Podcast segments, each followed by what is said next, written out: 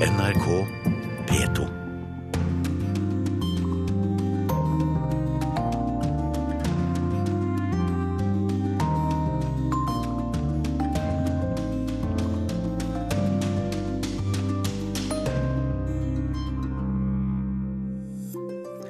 Tysk-iransk 18-åring skapte panikk i München. Drap 9 og skadde 21. Motivet ennå uklart. Går Tyrkia i fascistisk retning? Spekulasjonene raser etter kuppforsøket. Storbritannia markerer seg på nye måter i det internasjonale fellesskapet. I'm afraid that in the, there is a, such a, a, a, rich thesaurus now of things that I've said that it would really take me too long uh, to engage in a full global itinerary of, of apology to, to all concerned. Hør at Kerry redda sin ferske utenriksministerkollega Boris Johnson da han fikk spørsmål om udiplomatiske utsagn. Amerikansk journalist ville fortelle verden om de syriske barna ble sjøl offer for krigen. Nå går familien til sak mot Assad. So just, it's a complete and utter lie that they are only going after terrorists. The Syrian army is simply shelling a city of cold, starving civilians. Og korrespondentbrevet er postlagt i Cleveland. Der får du ikke bare høre om presidentvalg, men om gammel og ennå ikke rusta kjærleik. Velkommen til Urix på lørdag. Her i studio Sigrun Slapgard, og vi skal rett til Tyskland. Der er du, Guri Nordstrøm. Eh, hva veit vi mer nå om gjerningsmannen i München? Det er en 18 år gammel tysk-iransk mann som da ble funnet død én kilometer fra åstedet. Ifølge politiet hadde han tatt sitt eget liv. Han var bevæpnet med pistol. Eh, og han skal ha vært helt ukjent for politiet og ikke hatt noe kriminelt rulleblad fra tidligere. Han skal ha bodd i Tyskland lenge, og naboer som tyske medier har snakket med, beskriver ham som en rolig type. Han ser altså ut til å handle alene, som eh, knivangrepet nylig. Men her er det da tvil om, eh, om noe bånd til IS. Politiet sa i går at de ikke hadde noen holdepunkter for å si om det var noen ekstremistisk tilknytning her. I morgentimene nå i dag har det vært en ransakelse i boligen der han bodde hjemme hos foreldrene sine i Maxforstadt, som er en bydel sentralt i München. Eh, der meldes det nå om at det har blitt båret ut flere kasser, og faren til gjerningsmannen skal være tatt inn til avhør. Men det er en pressekonferanse nå 11.30. Da får vi kanskje flere svar rundt nettopp dette. Mm.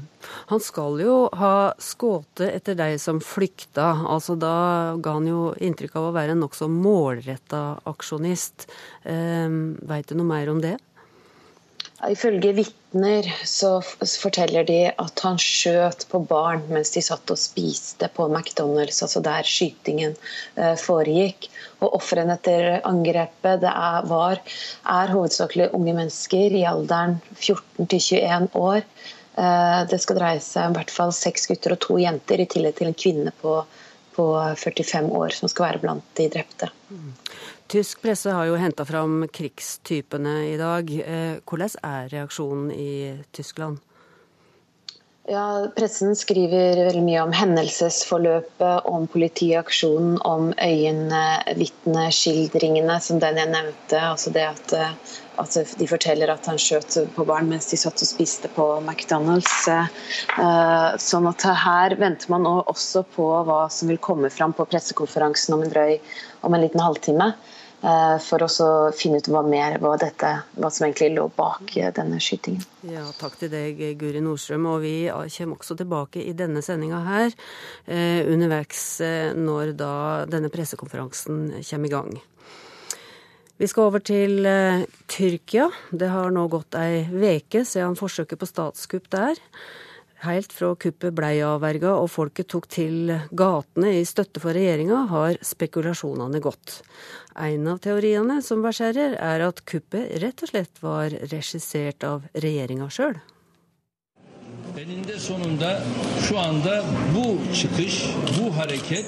Kuppet var ei gave fra Gud, sa Tyrkias president Recep Tayyip Erdogan sist helg, og ga med det næring til spekulasjonene. Kunne han sjøl stå bak? Ifølge ei spørreundersøking gjengitt av Financial Times mener en tredel av tyrkerne det. De viser til hvor amatørmessig kuppet virka, og at presidenten kom fra det uten ei skramme. Og ikke minst at han flaug fra feriestaden sin på kysten tilbake til Istanbul uten at luftvåpenet, som skal ha hatt ei sentral rolle i kuppforsøket, gjorde forsøk på å skyte ned flyet han satt i. Konspirasjonsteorier vil mange sier. Og konspirasjonsteori eller ikke, enda flere mener at Erdogan sin erkerival Fetullah Gulen er mannen bak det hele. Også Erdogan sjøl, som sier at de har bevis som peker i denne retninga. Gulen er en islamsk predikant som tidligere var nært alliert med Erdogan og hans parti. Han er kjent for å stå for en moderat form for islam, med fokus på fred og toleranse. Og driver fra sitt eksil i USA et stort nettverk, som inkluderer ei rekke skoler over hele verden. Rundt 10% av tyrkerne skal være støttespillere av Gulen og hans hismet-rørsle. Men det er ikke første gang han er under mistanke. I 1999 dukka det opp et opptak av Gulen der han ber følgerne sine om å bevege seg inn i blodårene til systemet uten at noen merker det, til en når alle maktsentre. Han har seinere avvist dette, og sier òg at han ikke står bak kuppforsøket forrige helg, og at det bare er et påskudd for å gå etter hans tilhengere. For den siste veka har rundt 10 000 i militæret blitt arresterte. I tillegg har et titalls tusen fra andre sektorer blitt suspenderte eller fått sparken, med mistanke om å ha bindinger til kuppforsøket. Eller i alle fall til Gulen. For ekspertene strides om hvor stor del av militæret og statsapparatet som består av Gulens folk. Eller med andre ord, i hva grad Gulen sine folk har klart å ta seg inn i blodårene til den tyrkiske staten. Det som er klart, er i alle fall at regjeringspartiet nå gjør alt de kan for å få bukt med det de omtaler som et virus. Hiç boşuna ekmek su vermeyin. Boşuna beslemeyin, külfet çekmeyin. Denne parallelle terrororganisasjonen vil ikke lenger være brikke for noe land. Vi vil fjerne den med røttene, sa statsminister Benali Yildirim i en tale til parlamentet denne veka. Og det er ikke første gang den tyrkiske regjeringa gjør utrenskinger, verken i militæret eller i statsapparatet ellers. Først i samarbeid med Gulen, mot de sekulære, som tradisjonelt har dominert militæret, og som var mistenkte for å være en del av den såkalte djupe staten. Seinere òg mot Gulen sine tilhengere, etter at de to kom på kant med hverandre i 2013. De mistenkte inkluderte akademikere, journalister og aktivister. Også Gulen støtta mediehus fikk gjennomgå. Blant annet overtok staten kontrollen over avisa Saman. Mange mener at kuppet, uansett hvem som står bak, har vært en anledning for Erdogan til å trappe opp jakta på motstanderne.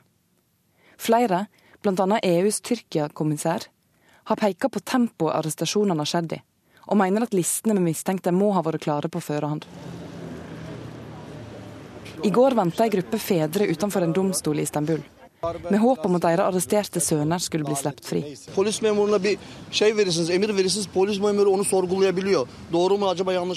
Om en politimann får en ordre, kan han kanskje diskutere det, men en soldat kan ikke gjøre det. De har ingen rett til å stille spørsmål. Om en soldat får ordre om å gjøre militær helsing til et tre, ja, så vil han gjøre det, sier en av fedrene.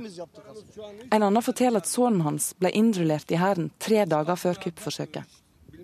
De mener at sønnene deres har blitt lurt, og at de ikke er skyldige. Menneskerettsgrupper slår nå alarm, bl.a. fordi det er snakk om å gjeninnføre dødsstraff. Og EU-topper og andre advarer mot å sette rettsprinsippene til side. Erdogan sjøl insisterte på sin side onsdag etter et møte i sitt tryggingsråd at de vil holde seg til demokratiske spilleregler, men understreka at de vil gjøre det som er nødsynt for å sikre fred og stabilitet. Og annonserte samme dag tre måneder unntakstilstand i landet. Til stor støtte fra tilhengerne, som siden kuppnatta forrige helg har holdt fram med å ta til gatene. Og det var Gunhild Årdal som rapporterte. Ja, Gulen, eller Erdogan sjøl, som vi hørte her, det er mange spekulasjoner om hvem som står bak kuppforsøket i Tyrkia. Og Tyrkia-kjenner Camilla Nereid, velkommen i studio. Hva tror du? Nei, eh, hva skal man tro? Eh, det finnes vel like mange konspirasjonsteorier her som det finnes eh, interessenter eh, når det gjelder tyrkisk politikk. Og det er vel ikke min rolle som akademiker å gå inn på de her konspirasjonsteoriene, egentlig. Men jeg har hørt alt fra at det er eh, Israel i samarbeid med Gulen og USA som står bak, at det er kurdere i militæret som står bak, at det er Erdogan, at Erdogan visste om det og lot det skje, eller at det er Gulen-bevegelsen. Så det Eh, det foreligger ikke noe faktagrunnlag som gjør det mulig å si på det nåværende tidspunkt hvem det var som sto bak. Men det en kan si, må vel være at måten Erdogan slo tilbake på, kunne virke nokså planlagt. Altså lite improvisasjon å spore? Ja, nå, Som det også ble nevnt uh, av reporteren her, så har det jo pågått uh, etterforskning internt i militæret i mange år, helt siden 2007. Og mange generaler og andre offiserer, men også journalister og andre med påstått tilknytning til denne Ergenekon-nettverket har jo blitt eh, eh dømt og, og fengsla, men eh, ble jo satt fri eh, pga. bevisets stilling nå i eh, april-mai. Mm. Og gjennom den omfattende etterforskningen som da har pågått i nesten eh, ti år, så er det jo kanskje naturlig å regne med at man har ganske bra oversikt over hvem som kan være potensielle mistenkte for å stå bak et sånt kuppforsøk, da. Mange lister var klare. Ja, gjennom den langvarige etterforskningen så kan det, kan det være. Og så er det jo også sånn at det, eh, det er jo ikke overraskende at eh, Gulens tilhengere har sentrale maktposisjoner i det tyrkiske eh, staten. For dette er jo noe de har fått med AK-partiets velsignelse. Det er jo først etter at det har oppstått en konflikt mellom Gulen-bevegelsen og, og, Erdogan og regjeringen at dette har blitt oppfattet som problematisk av, av, av AKP. Sånn at det har jo ikke vært ukjent fram til nå, så derfor så har man vel visst om hvem det er som er Gulen-tilhengere og ikke, for dette har jo vært veldig viktige støttespillere for AK-partiet. Mm, nettopp.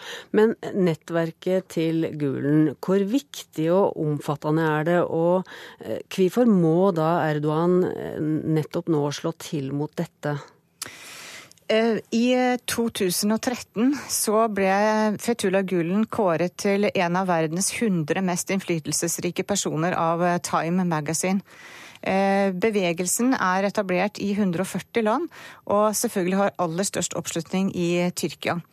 Når det gjelder Gulen-bevegelsen, så er det med den som det meste andre både positive og negative ting å si.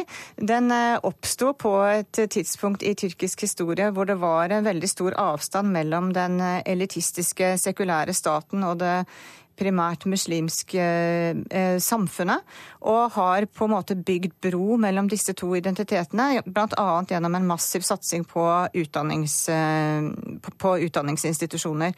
De har bidratt til å gjøre det moderne eh, til en viss grad, kan man si i hvert fall, det moderne til, til allemannseie, og har klart å Eh, oppheve det tradisjonelle skillet mellom vi og de andre, hvor de som hadde en religiøs identitet, var de ignorante, og de som hadde en sekulær identitet, var de velutdannede og siviliserte. Mm. er det også en slags eh, modernisering av eh, islam? Altså er innholdet også modernisert gjennom Gulen-bevegelsen? Ja, jeg vil si det. For det, det som Gulen-bevegelsen til en viss grad har klart, er jo å kombinere Eh, vestlig teknologi og vitenskap med en eh, islamsk etikk.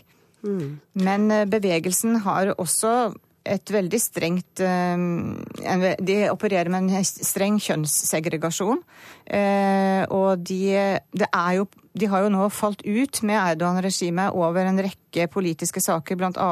Eh, fredsinitiativet overfor kurderne i 2009, og har også helt eh, motstridende syn når det gjelder hvordan relasjonen skal være til Israel og til Iran. Og det er klart at da blir det vanskelig når du har eh, sentralt plasserte personer i statsapparatet som har en annen utenrikspolitisk agenda enn det Eh, det demokratisk valgte regjeringen eh, har.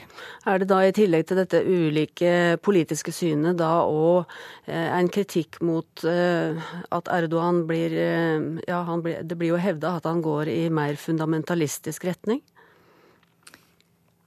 Det, at Gulen mener det, tenker ja. du? Mm. Det, har, det vet jeg ikke. Men vi har jo noen eksempler på eh, fengsling av journalister og forfattere fra nyere tid, som skal være satt i scene av Gulen-bevegelsens tilhengere innenfor politi og rettsapparat. Jeg tenker på Nedim Schener, som skrev en bok om eh, mordet på Rant Dink i 2007, hvor han kobler Gulen-bevegelsen til eh, etterforskningen, eller, eller, at de visste om at det her kom til å skje og lot være å gripe inn. Og også Ahmed Shuk, som satt i fengsel fra 2011 til 2012 fordi han hadde skrevet en bok om Gulen-bevegelsen kalt 'Imamens hær'. Mm. Så har Erdogan og Gulen blitt eh, uvenner, for å si det litt forenkla, og dermed kommer både Nedim Schener og Ahmed Shik ut av fengsel igjen.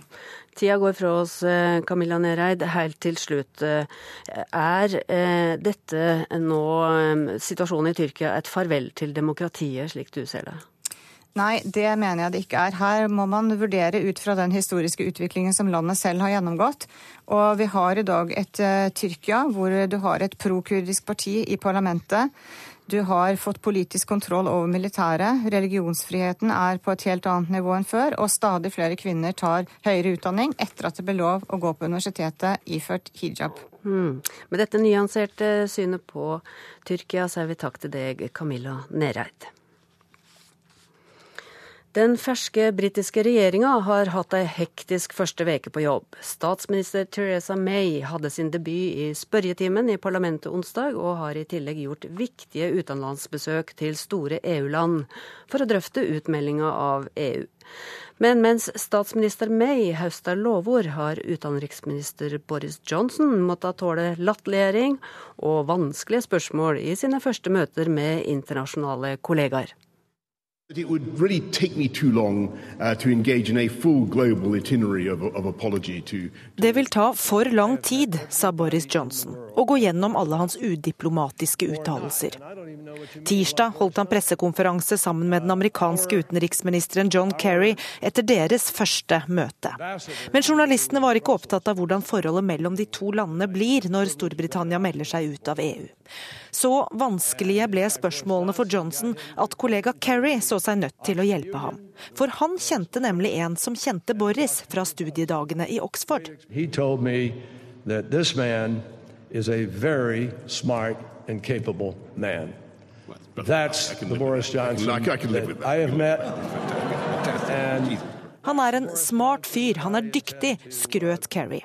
Jeg kan leve med det, kommenterte Johnson. Men da Kerry fortsatte skrytet, ba han ham om å stoppe. Nok nå. Men da kunne Kerry lære Johnson noe han kanskje ikke er så god på. Det kalles diplomati. Well, John. Thank you very much. I think, I think we got through that one all right. Um, uh, Mr. Speaker.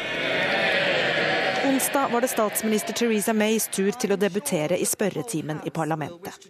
Etter først å ha kjørt gjennom et vedtak om å fornye det britiske atomprogrammet, til store protester i Skottland, der atomubåtene ligger, men med stort flertall i parlamentet, skulle hun spørres. Opposisjonsleder Jeremy Corbyn gjorde et forsøk på å sette den nye statsministeren på plass. So before appointing her new foreign secretary, did she discuss with him his description of black people as pickaninnies? I was concerned to make sure that nobody should be stopped and searched on the streets of this country because of the color of their skin. Han prøvde igjen og igjen. Six years of government austerity has failed. He uses the language of austerity. Can I just say this to him? He talks about austerity. I call it living within our means. Men til slutt ble han selv parkert da statsminister May sablet ham ned for å tviholde på ledervervet i Labour, tross laber støtte i sin egen partigruppe.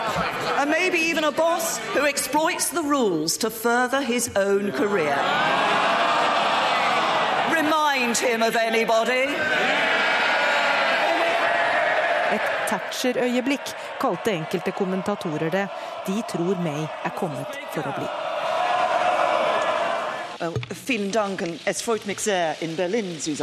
Hun kom i hvert fall til Tyskland. På sin første utenlandsreise som statsminister valgte hun å møte forbundskansler Angela Merkel, den mektigste av EUs ledere. Et EU Storbritannia nå skal skille seg fra.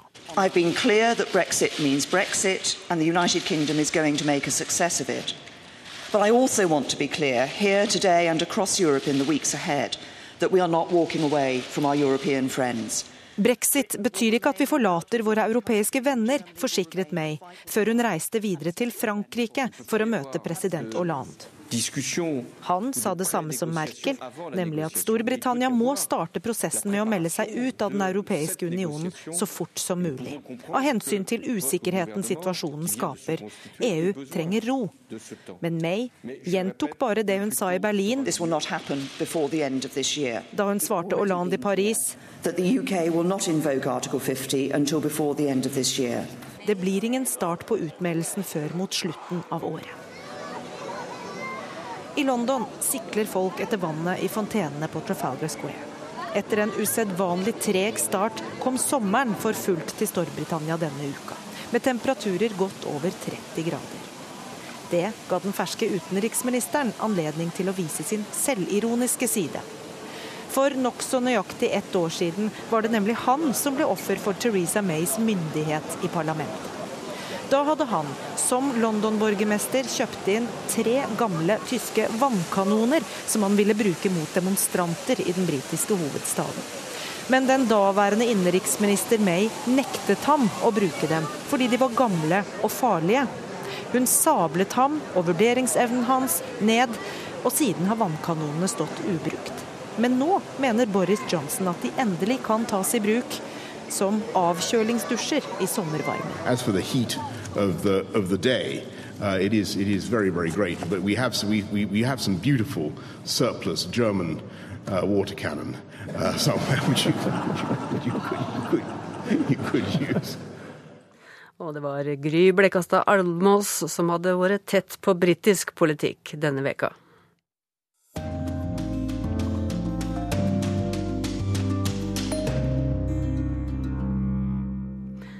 Før vi nå skal høre om ei modig kvinne, skal vi minne om at mer enn 280 000 mennesker har mista livet i Syria siden krigen starta i 2011. Og blant de drepne er denne nevnte modige kvinna, krigskorrespondenten Mary Colvin fra The Sunday Times. Nå går familien til rettssak mot det syriske regimet. De mener at Assads styrker målretta drap den amerikanske journalisten i Homs vinteren 2012. Og den aller siste rapporten leverte hun til CNN, og programleder Anderson Cooper spurte da om hvorfor hun ville vise bilder av en død baby, og hvorfor hun ville være på en så farlig stad. Why is it important, do you think, to see these images? Why, why is it important for you to be there? Right now, you may be one of the only Western journalists in, in Homs. Our team has just left. And I feel very strongly that they should be shown. That little baby is just one of one of two children who died today, one of children being injured every day. That baby probably will move more people to think what is going on and why is no one stopping this murder in homes that is happening every day. Bilder av døde barn vil få folk til å spørre seg om hvorfor ingen stanser disse drapene i Homs, sa Marie Colvin på en satellittelefon fra et mediesenter i den syriske byen. So just, it's a complete and utter lie that they are only going after terrorists. The Syrian army is simply cold, civilians. Det er ren løgn at regjeringshæren bare angriper militære mål. Regimet bomber sultne og frosne sivile, forklarer Colvin til CNN, mens krigen raser like ved henne. Timer etter rapporten ble hun drept. It wasn't random bombings as they'd heard, you know, in the weeks Marie's murder. It was uh, zeroing in, zeroing in, and it was a targeting pattern. So I knew from. Dette var ingen tilfeldig bombing. De siktet seg inn på henne, mener søsteren Cat Colvin. It's uh, very clear in a lot of the evidence we've uncovered that they wanted to silence the foreign journalists. That was exactly their intent, was to silence Marie and the other journalists who were trying to get the truth out. So they did it to hide the truth. De ville bringe henne og andre journalister til taushet, sier søsteren av den kjente korrespondenten. Nå går familien til Marie Colvin til sivilt søksmål mot Assads regime. Menneskerettighetsorganisasjonen CGA tar saken på vegne av familien i et forsøk på å stille Syrias regjering til ansvar for krigsforbrytelser.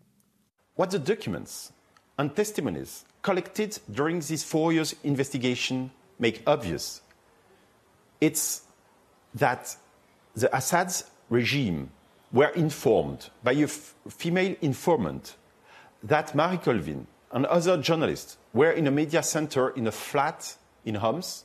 Beviser og dokumenter samlet inn de siste fire årene viser at en kvinnelig informant fortalte syriske myndigheter om at Colvin og andre journalister var i mediesenteret i en leilighet i Homs. Telefonsignalene ble fanget opp, og regimet gikk til aksjon, sier Christophe Deloire, generalsekretær for Reporter uten grenser. Amerikanske Marie Colvin hadde jobbet for den britiske weekendavisen The Sunday Times siden 1985. Den svarte lappen over det ene øyet måtte hun begynne å bruke da øyet hennes ble skadet i trefninger da hun krysset fronten mellom tamiltigrene og hæren på Sri Lanka. Colvin hadde dekket utallige konflikter og kriger over hele verden. Og jeg husker henne godt fra en fullsatt pressekonferanse i Teheran med Irans president Ahmadinejad etter det omstridte valget i 2009. Da Marie Colvin stilte spørsmål, så den selvsikre Ahmadinejad overbærende på den høye kvinnen med lyst sjal over håret og svart lapp over det ene øyet. Marie was the best companion you could ever have on the road. She was very funny. She was very sociable. She had lots of good stories. She loved to have a drink. She loved to go out and have, have a meal. Um, Marie var verdens beste kollega i felt. Hun var morsom og hjelpsom. Hun var veldig sosial, men hadde også sine mørke stunder i livet, forteller kollegaen Lindsay Hilsum fra britisk Channel 4. De to spiste middag sammen i Beirut rett før Colvin dro på sin siste reise. Well, Marie and I had uh, dinner with a couple of other journalist friends, and it was very notable that all three of us were about the same age, late 50s, early 60s. Um, all of us very experienced, have been around the Middle East and many war zones. But three of us thought that going into Syria, being smuggled across the border, Vi var fire journalister rundt bordet som alle hadde lang fartstid fra Midtøsten. Tre av oss syntes det var for farlig å dra inn i Syria da. Men Marie var ikke til å stanse. Hun dro. Marie, Marie worked for a Sunday newspaper. She wasn't like many of us who have to get as much as you can as quickly as possible and come out and file every day. So if you work for a Sunday newspaper, then you have to um, have something different and new. Siden hun jobbet for en Viken-avis, ble hun ofte lenger enn andre journalister, fordi hun måtte finne sine egne historier. Dermed ble hun mer sårbar, sier Colvins venn og kollega til NRK. Om den kvinnelige informanten sier Lindsay Hilsum. And of course in Syria, people, people's lives are very compromised. You know, your brother gets put in prison the only way to get him out is to is to become an informer. Uh, there are all sorts of different uh, Syrerne befinner seg i en ytterst vanskelig situasjon. Én har kanskje en bror i fengsel, og den eneste måten å få ham ut på, er å bli angiver. Det var umulig for journalistene i mediesenteret i Homs å vite hvem alle syrerne i det samme bygget var. Det er blitt farligere å rapportere fra krigssoner. Så langt i år er 17 journalister drept, ifølge CPJ, Committee to Protect Journalists, og så mange som 73 ble drept i fjor, ifølge CPJ. President Assad har sagt at Marie Colvin selv var ansvarlig for sin egen død. Så vil denne rettssaken mot Assad-regimet gjøre noen forskjell? You But certainly in historical terms and in journalistic terms, it's very important that this evidence come out and that this evidence be made public. Jeg tror ikke vi vil se Assad møte opp i en rettssal i USA, men det er viktig at alle disse dokumentene og bevisene blir lagt frem offentlig, sier Hilsum. The Syrians have, uh, have made a comment that it's all lies, which is not surprising. Um, we will have our day in court. It, it's a process and it'll be a long process and we'll bring evidence. Um, but ultimately, we will have our day in court. Vi vil møte i retten for å få frem sannheten, sier søsteren Kat til Reuters. Mens Marie Colvin avslutter sin siste rapport, hører vi tydelig kampene rase like ved. Hun ble drept av en rakett skutt av regjeringshæren. Men hun var der hun ville være, og gjorde det hun trodde på, forteller både søsteren og kollegaen. You know, everyone thought that Marie was really brave, and she certainly was. Um, I don't. She didn't think she was. She was terrified. You know, and I guess uh, uh, you know something that she said is is bravery is um, not being afraid to say you're afraid. So it wasn't that she was fearless. It was that she cared more about um, defending innocent people than she cared about her own safety. Hun brydde seg mer om å fortelle om overgrep mot uskyldige enn sin egen sikkerhet, ifølge søsteren Cat Colvin. Og det var Sissel Wold som rapporterte om vår drepte kollega Mary Colvin. Filippinene er også et av verdens mest farlige land å være journalist i. Over 180 journalister er myrda der de siste tiåra. Og det er særlig de som kritiserer korrupte politikere ute i provinsene, som lever farlig. Landets nye president, Rodrigo Duterte, mener det av og til er på sin plass at mediefolk får ei kule i panna. Og mange frykter nå at situasjonen vil bli enda verre.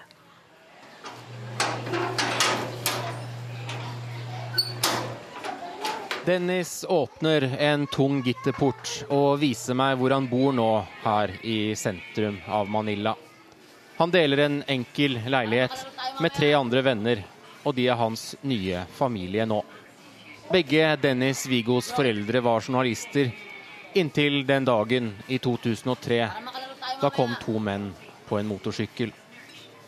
My mother was uh, Maricel Vigo, but Very close friends call her Marcel. Min mor var Maricel Viggo, min far George. Begge var journalister. Men for meg var de mor og far og mine beste venner, forteller Dennis. But I remember them as, as, as a mother and as a, a father and as a best friend to me. Maricel og George ble skutt i hodet på kloss hold. Gjerningsmennene ble aldri funnet. Politiets bilder viser hvordan kroppene deres ligger i en blodpøl igjen på gaten. Deres 13 år gamle sønn Dennis var på et øyeblikk foreldreløs, og det finnes over 100 barn som ham her på Filippinene. Never, uh, uh,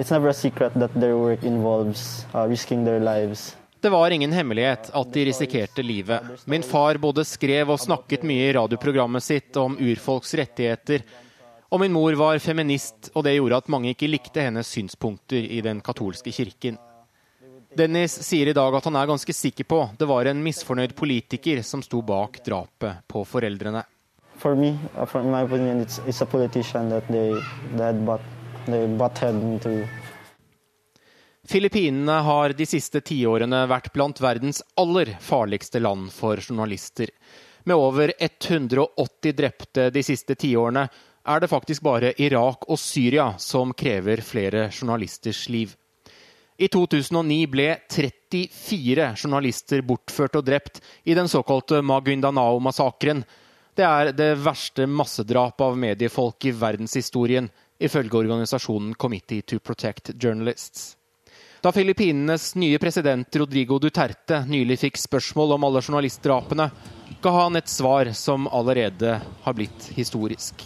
Just because you are a journalist, you are not exempted from assassination. If you're a son of a bitch.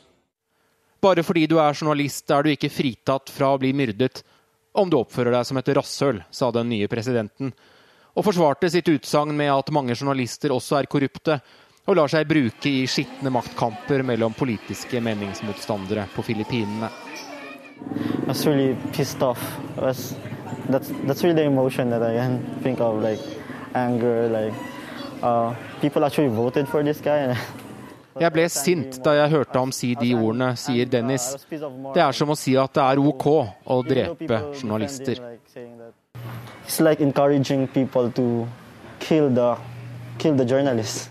Journalistforbundet i Manila har et tilbud de trolig er ganske alene om i verden nå. De gir stipender til 160 barn av drepte journalister for at de skal kunne ta utdanning. Og styreleder Ryan Rusauro forteller meg at de også driver sommerleir for foreldreløse journalistbarn. The summer camp is a way of uh, bringing together the orphans of killed journalists, uh, share experiences on how they cope with their lives after their, the, their loss. Sommerleiren er en måte å samle barna på, hjelpe dem å takle sorgen og tapet. Og det gir oss også muligheten til å fange opp hvem som trenger ekstra støtte for å komme seg gjennom hverdag og skolegang. Men på tross av den dystre historien og president Dutertes nylige utblåsninger, håper Journalistforbundet på Filippinene at en ny etterforskningsgruppe i politiet nå skal få ansvar for å oppklare alle drapene på mediefolk. For i dag blir 90% av disse sakene aldri oppklart, og gjerningsmennene frykter ikke lenger straff. We have been challenging him to make good the promise of his transition spokesperson to establish the special task force on media killings. For Dennis Vigo har livet gått videre. Det er ni år siden mor og far ble drept. En stund planla han å studere journalistikk for å ta opp arven fra Maricel og George inntil han spurte sin bestemor om lov. Her, uh, if, if uh, should allow me to, to pursue journalism. And she said that uh, she don't want me to be a journalist because she couldn't uh, take any more heartaches in her life. Ja, bestemor til Dennis sa altså at hun ikke klarer flere sorger i livet. Og det var Asia-korrespondent Petter Svaar som hadde møtt Dennis Vigo i Manila.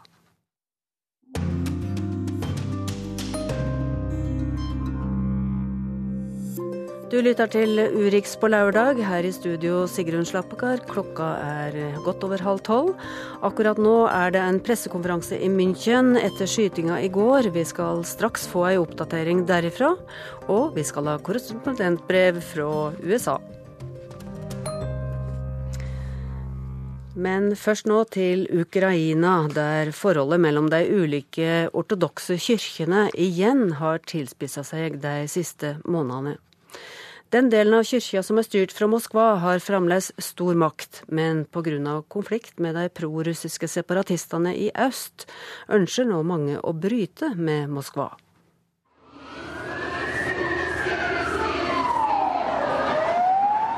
De vandret med sang og med prester kledd i gule kapper i spissen de flere tusen pilegrimsvandrerne som 6.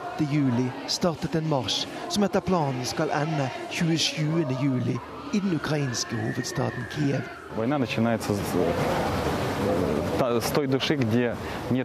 Krigen den begynner i hvert menneskes sjel. Det er årsaken til at vi har satt i gang denne pilegrimsmarsjen for fred, sier en av initiativtakerne, den ortodokse presten Sergej Beljanov til ukrainsk TV.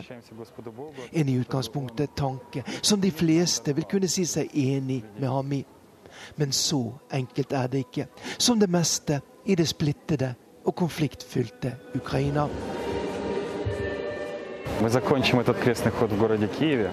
Presten Sergej Beljanov tilhører nemlig den delen av den ortodokse kirken i Ukraina som hører inn under den mektige patriark Kiril, lederen for den russisk-ortodokse kirken. Dermed blir også en marsj som den som startet i Kharkiv 6.7, umiddelbart satt inn i en politisk sammenheng. For samtidig som marsdeltakerne gikk ut på gaten, dukket også opp bilder på internett som viste at noen av deltakerne bar den oransje og svarte St. Georg-sløyfen. Symbolet som også de prorussiske separatistene bruker for å markere sin avstand til det de definerer som det fascistiske regimet som nå styrer Ukraina etter Maidan-opprøret i 2014. En marsjdeltaker bar også et merke med den siste russiske tsaren Nikolai 2. Og dermed var marsjen blant ukrainske aktivister stemplet som et forsøk på å bruke religion til å utnytte religiøse følelser til å nøre opp om separatisme og undergravelse av hele den ukrainske statsdannelsen.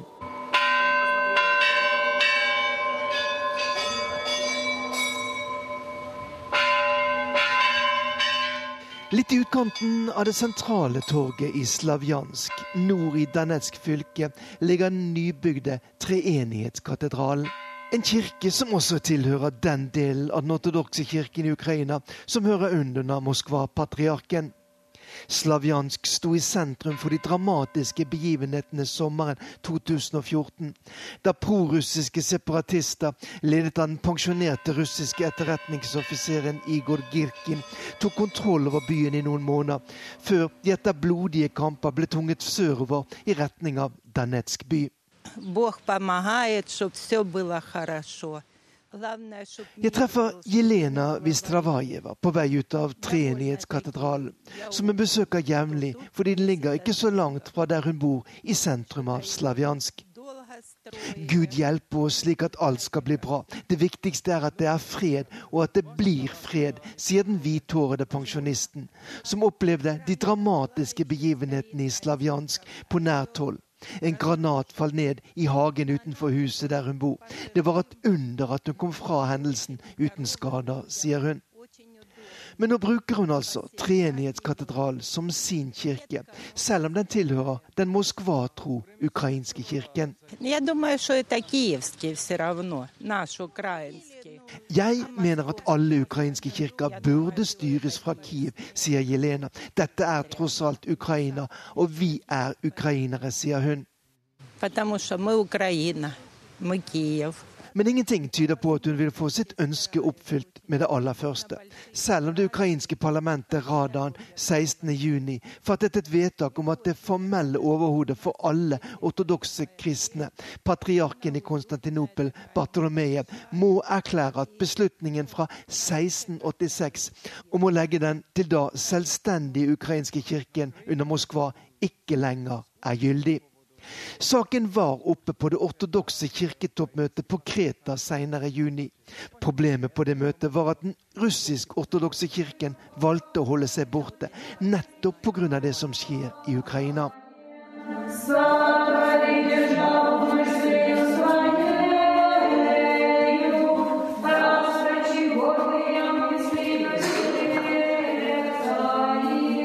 I den lille Konstantino Jelenitskij-kirken i Ukrainas nest største by, Kharkiv, feirer de ortodokse Den hellige treenighet ved å legge tørt gress utover gulvet. Denne kirken er i mindretall her i en by der de fleste kirkene hører inn under Moskva-patriarkatet. Religion i Ukraina er altså like komplisert som den politiske situasjonen i dette store landet. Opprinnelig har hele den ortodokse kirken i Russland, Ukraina og Hviterussland sitt utgangspunkt i Kiev-Russ, den første store felles statsdannelsen av de slaviske folkeslagene øst i Europa. Men seinere flyttet altså hovedsetet seg til Moskva, noe som ble forsterket da det russiske imperiet på 1920-tallet ble til Sovjetunionen, og da de nye kommunistiske makthaverne brukte en sammenslåing av kirkene som et middel til å knekke dens innflytelse. Etter Sovjetunionens oppløsning på 1990-tallet ble det dannet en egen ukrainsk-ortodoks kirke med hovedsete i Kiev. Men fremdeles er den delen av den ortodokse kirken som hører inn under Moskva, trolig den største, og med stor innflytelse i de i hovedsak russisktalende østlige og sørlige delene av Ukraina. Ну, пусть здесь будет украинская, пусть будет российская. Ну, имейте вы между собой мир. Понимаете? Ja, her finnes ukrainsk-ortodokse og russisk-ortodokse kirker, men de må da klare å bli enige seg imellom, sier Viktor Gorbatsjenko, som jeg treffer utenfor Treenighetskirken i Slavjansk. Skal kristne krige seg imellom? Det er rett og slett nonsens, sier han samtidig som han vet at religionen ligger der og ulmer under den politiske og væpnede konflikten i Ukraina. Samtidig fortsetter altså tusenvis av ortodokse kristne sin vandring i sommervarmen over de ukrainske steppene i retning av Kiev. Spørsmålet er om deres bønner om fred og fordragelighet når fram i det tilspissede politiske klima som dominerer Ukraina i dag.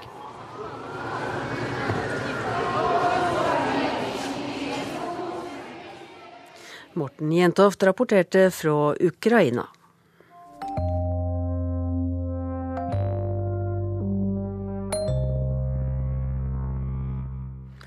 Vi skal til USA før vi får siste nytt fra pressekonferansen i München. Vi skal til byen som har fått hele verdens oppmerksomhet denne veka. For det republikanske landsmøtet foregikk i kollega Tove Bjørgaas sin høgt elska Cleveland. Takk for at du kom til Cleveland.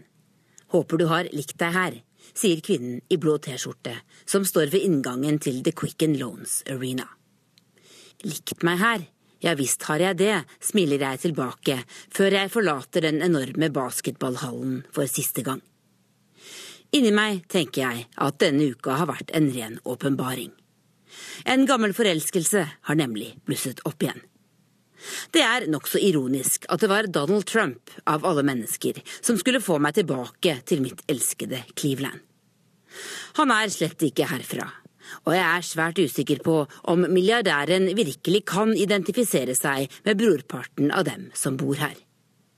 Selv om han sier at han skal kjempe for dem som har sett industriarbeidsplasser forsvinne, og som sliter med å få endene til å møtes. Men uansett, det republikanske landsmøtet ble lagt hit til vippestaten Ohio. Og dermed kom jeg tilbake. Det blå vannet i Lake Erie blinker mot meg i solnedgangen, slik det gjorde da jeg var på en date her en gang på 1990-tallet. Det er fredag kveld, og sola er i ferd med å gå ned. Noen er ute og seiler. Andre sitter på restauranter og ser på den vakre innsjøen som minner om havet. Og som en gang gjorde denne byen til en av USAs rikeste. Erie-kanalen, som sto ferdig i 1832, gjorde det mulig å frakte varer og mennesker sjøveien fra Atlanterhavskysten til de store sjøene. Bil- og stålindustrien gjorde dette området svært viktig tidlig på 1900-tallet. Og Cleveland var USAs femte største by. Men det er lenge siden nå. De som bor i regionen fikk det tøft da arbeidsplassene i industrien begynte å forsvinne på 1960-tallet. Da denne byen ble mitt første møte med utlandet i 1989, hadde forfallet fått pågå en god stund allerede.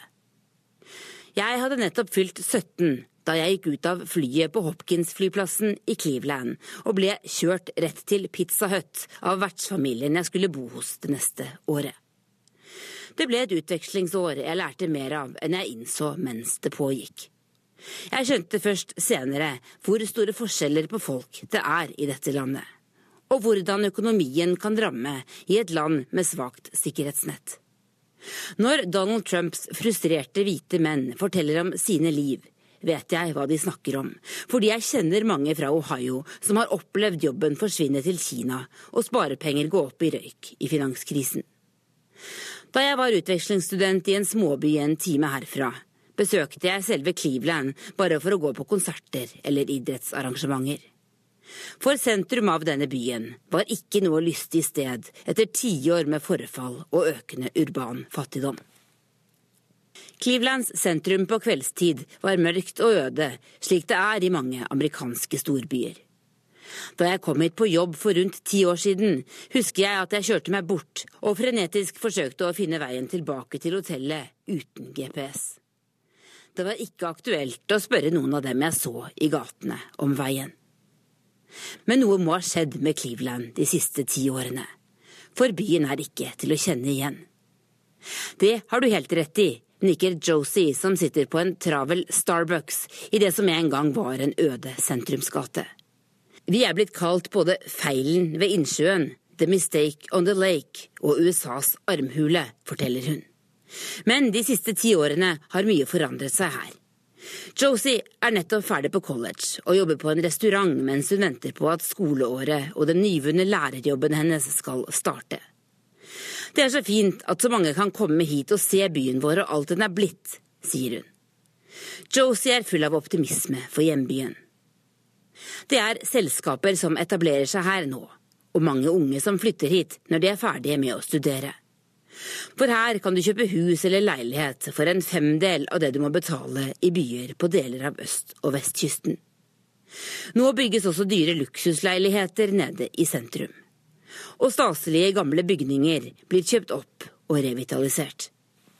Det der er Terminal Tower, forklarer Rashan, som har tatt med de to barna på to og fem ut i den nydelige sommerkvelden for å kjøle dem ned i springvannet på Public Square. Den storslagne skyskraperen og jernbanestasjonen, som var verdens nest høyeste bygning da den sto ferdig i 1930, ble kjøpt og pusset opp for noen år siden. 2016 er et godt år for Cleveland. Først vant basketballaget Cavaliers serien og nå legger republikanerne igjen store summer. Rashan er usikker på om republikanernes storslagne fest vil gjøre livet hans noe bedre. Men den siste uka har han i det minste hatt nok jobb.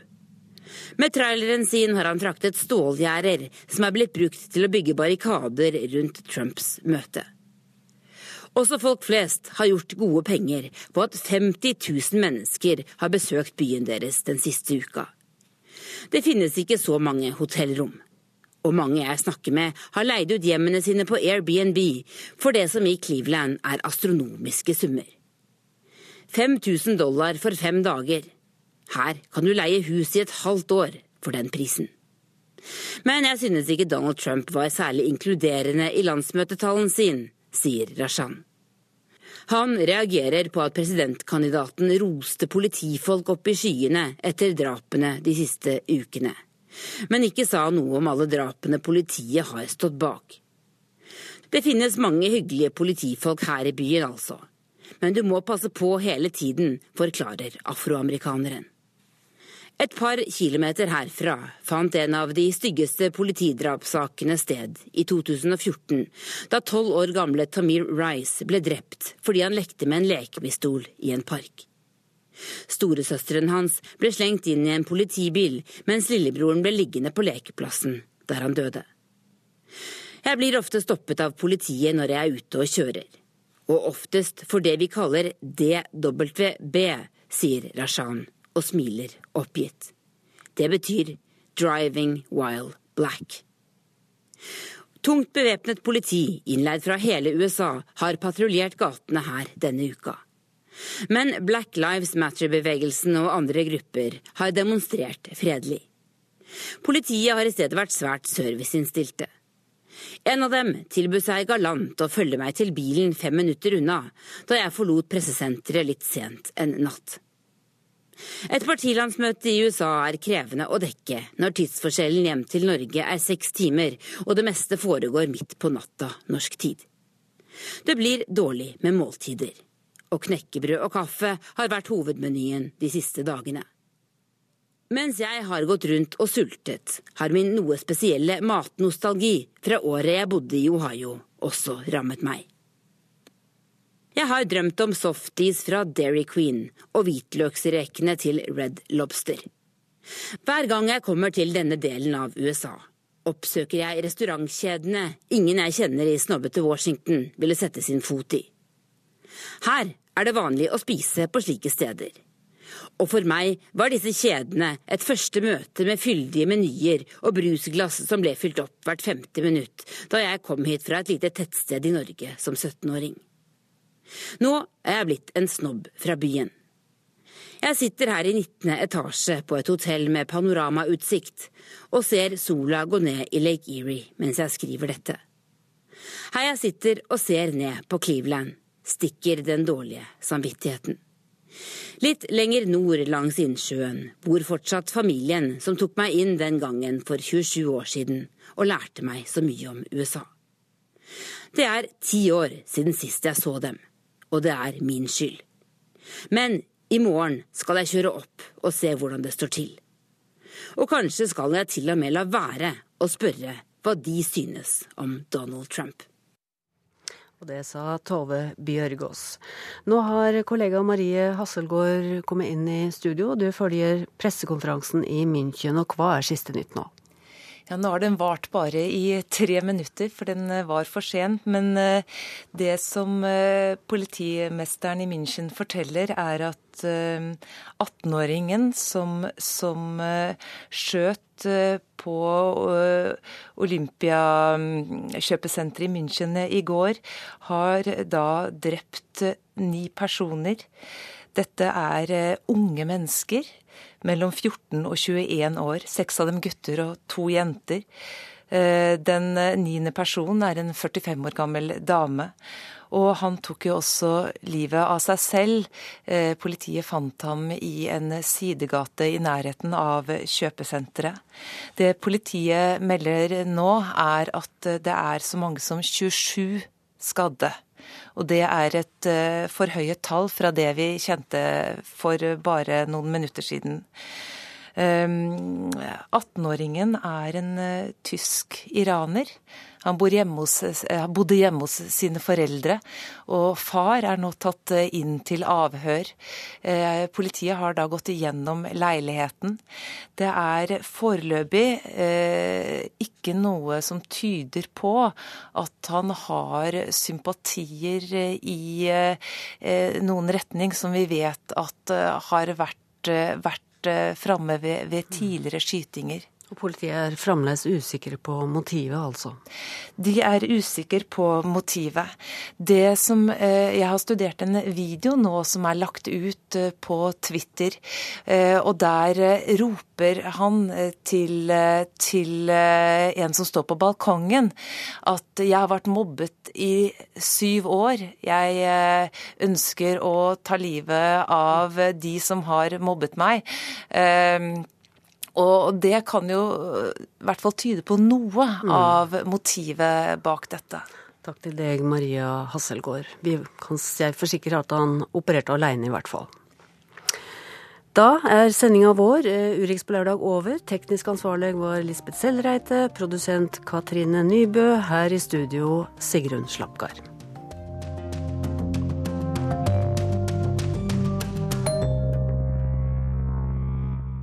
Hør flere podkaster på nrk.no podkast.